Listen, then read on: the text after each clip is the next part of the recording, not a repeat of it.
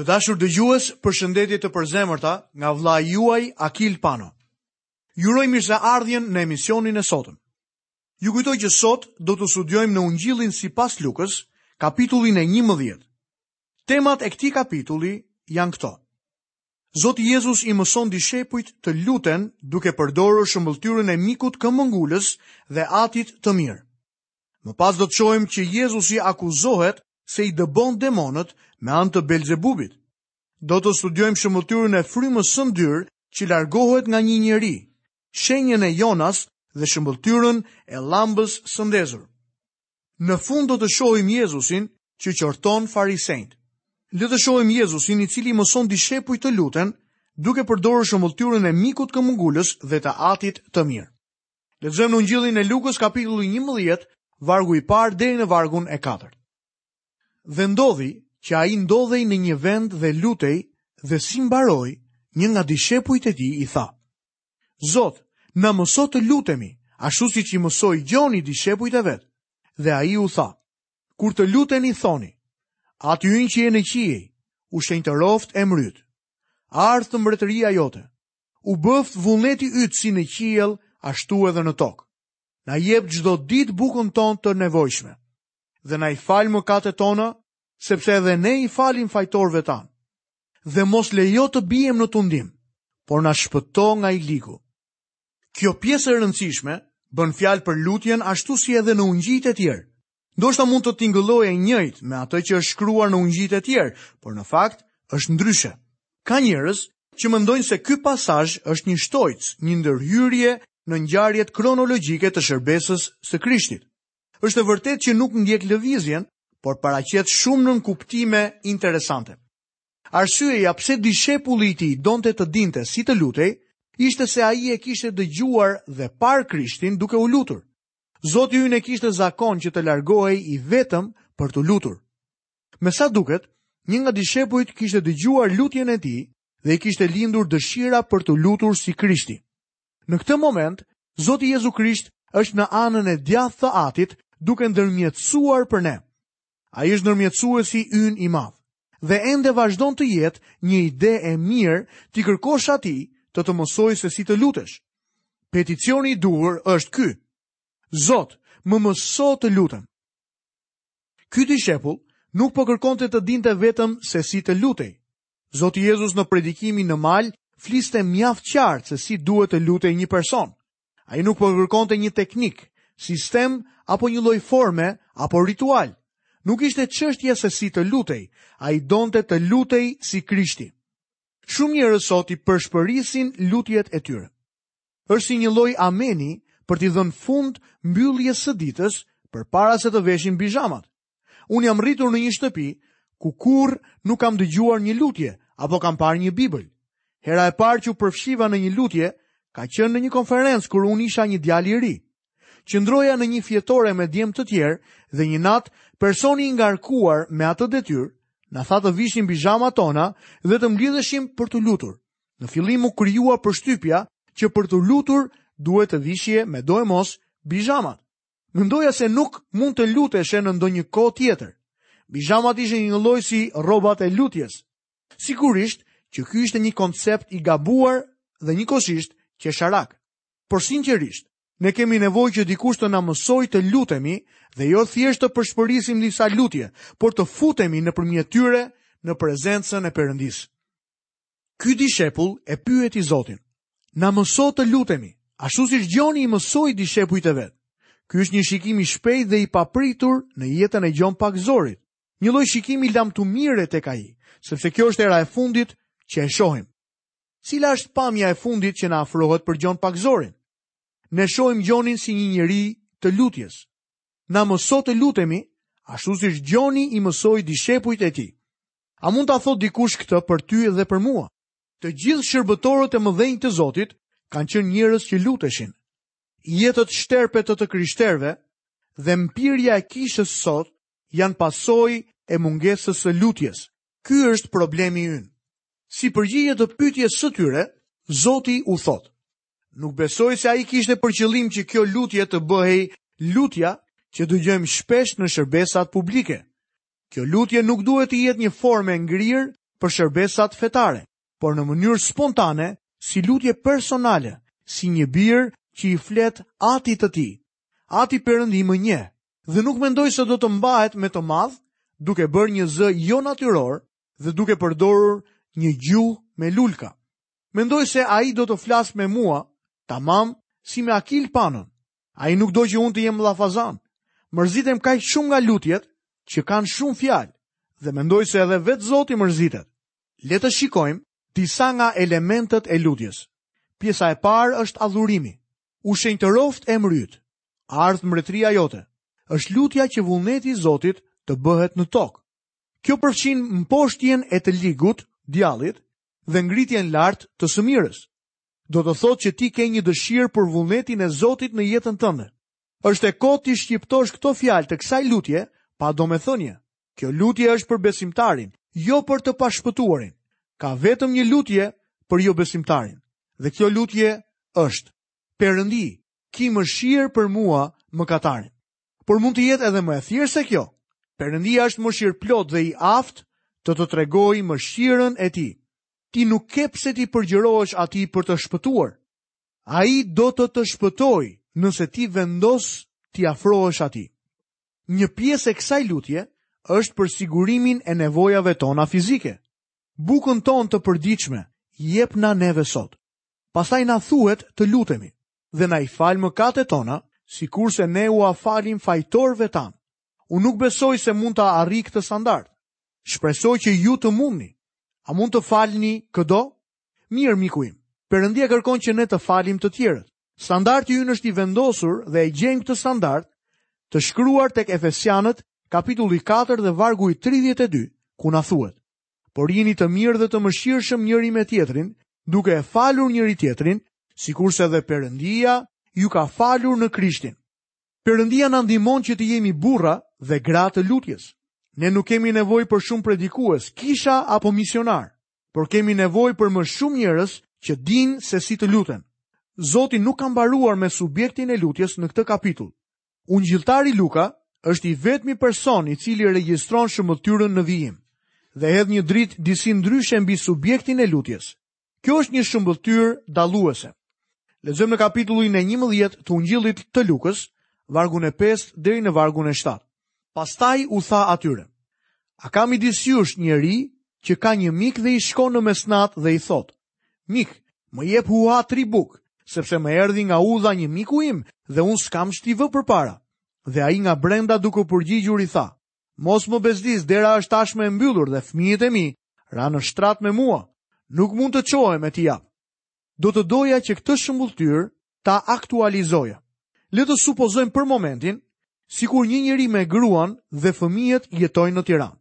Një ditë, marrin një letër nga nëna e gruas që u thotë se po vinte për vizitë. Ajo thotë se do të mbërrijë në një ditë të caktuar nga mesi i ditës. Familja vendos që kur ajo të vijë, të hanë darkë jashtë. Dita e madhe erdhi, por megjithatë nëna e gruas nuk po dukej.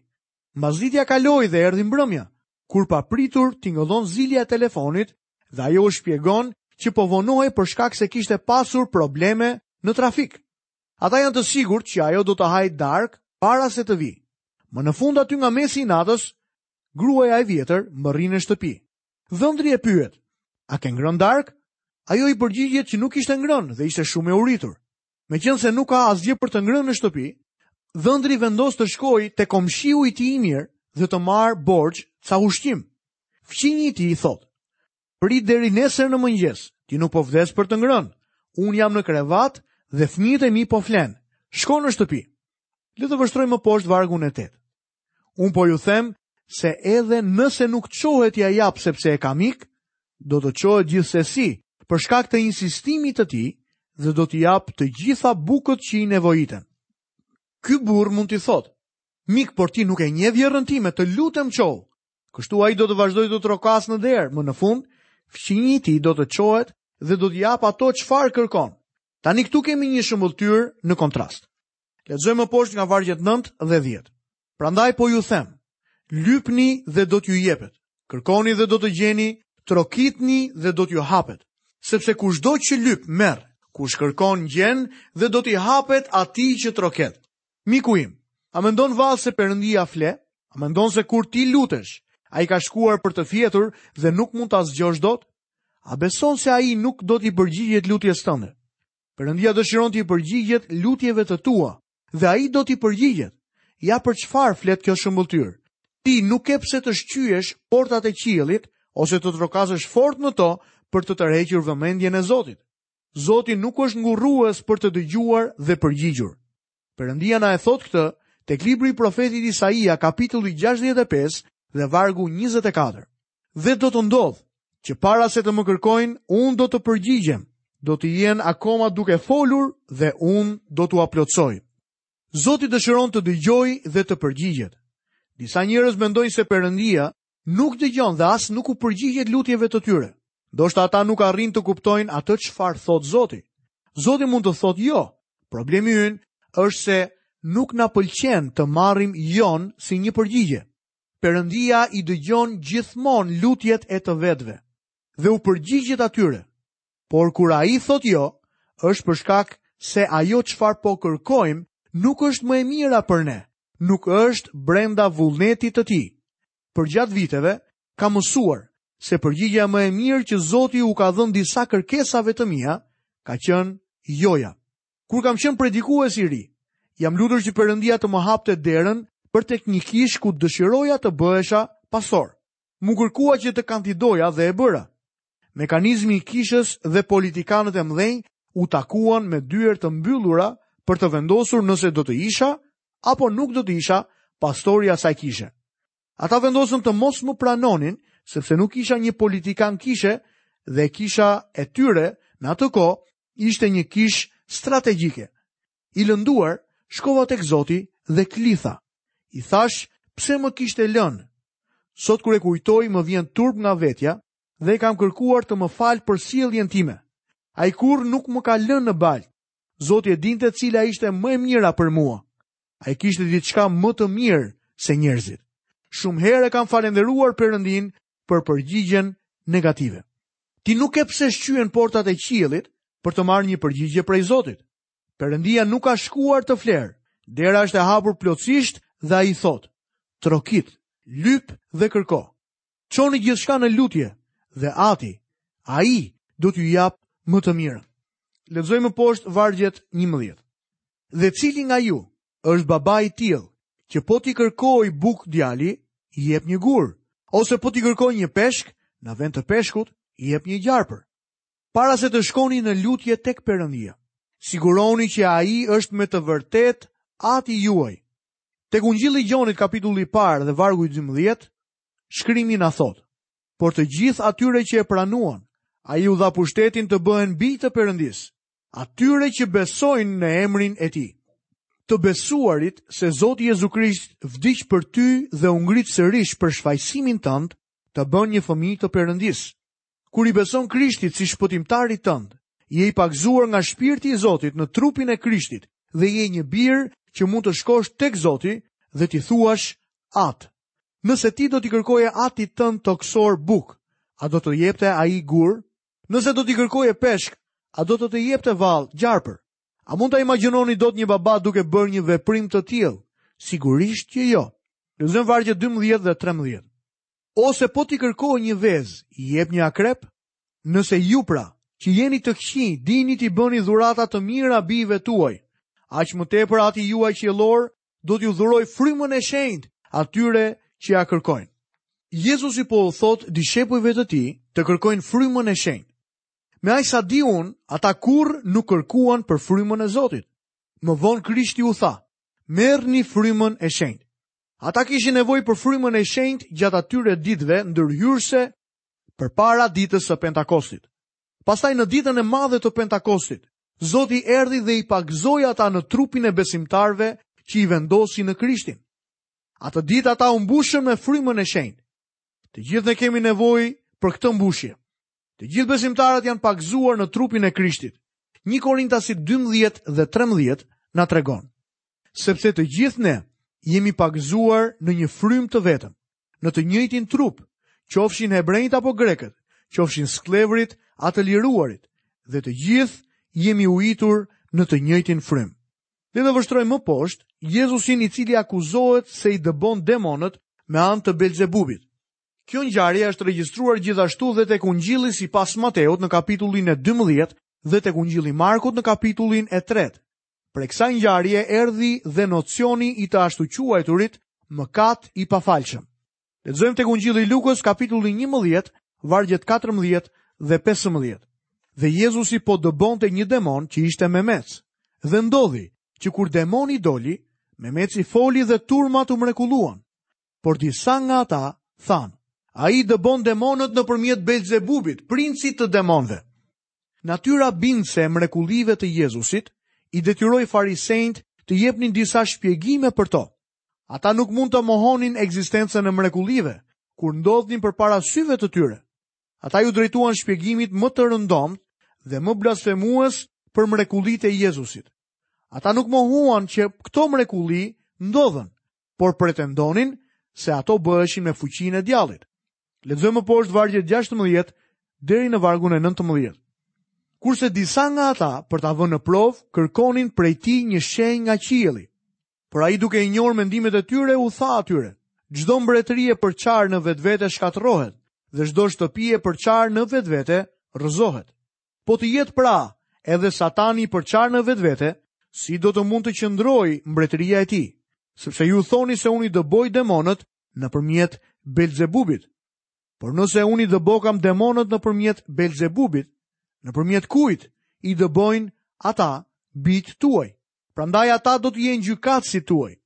Krishti u tregoi absurditetin e plotë të rrugës dhe arsyetimit të tyre në lidhje me çështjen e mrekullive. Lexojmë më poshtë vargun e 20. Por nëse unë i dëboj demonët me gishtin e Perëndisë, mbretëria e Perëndisë pra ka ardhur deri tek ju.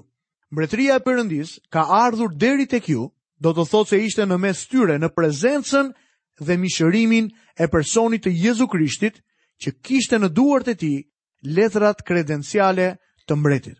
Lexojmë vargun 21 dhe 22. Kur burri i fortë, i armatosur mirë e ruan shtëpinë e vet, pasuria e tij është në paqe.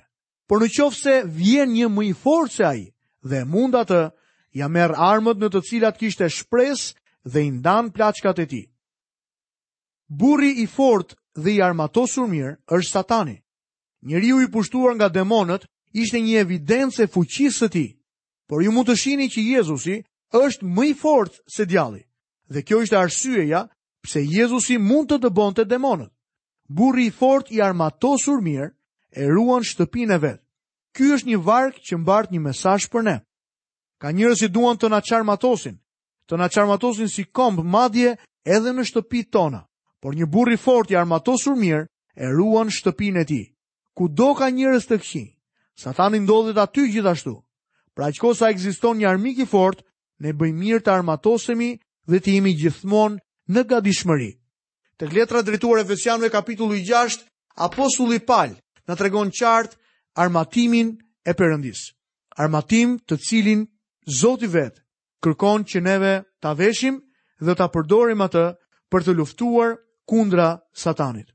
Të dashur miq, ju kujtoj që pjesën tjetër të kapitullit të 11 do ta studiojmë në emisionin e ardhshëm.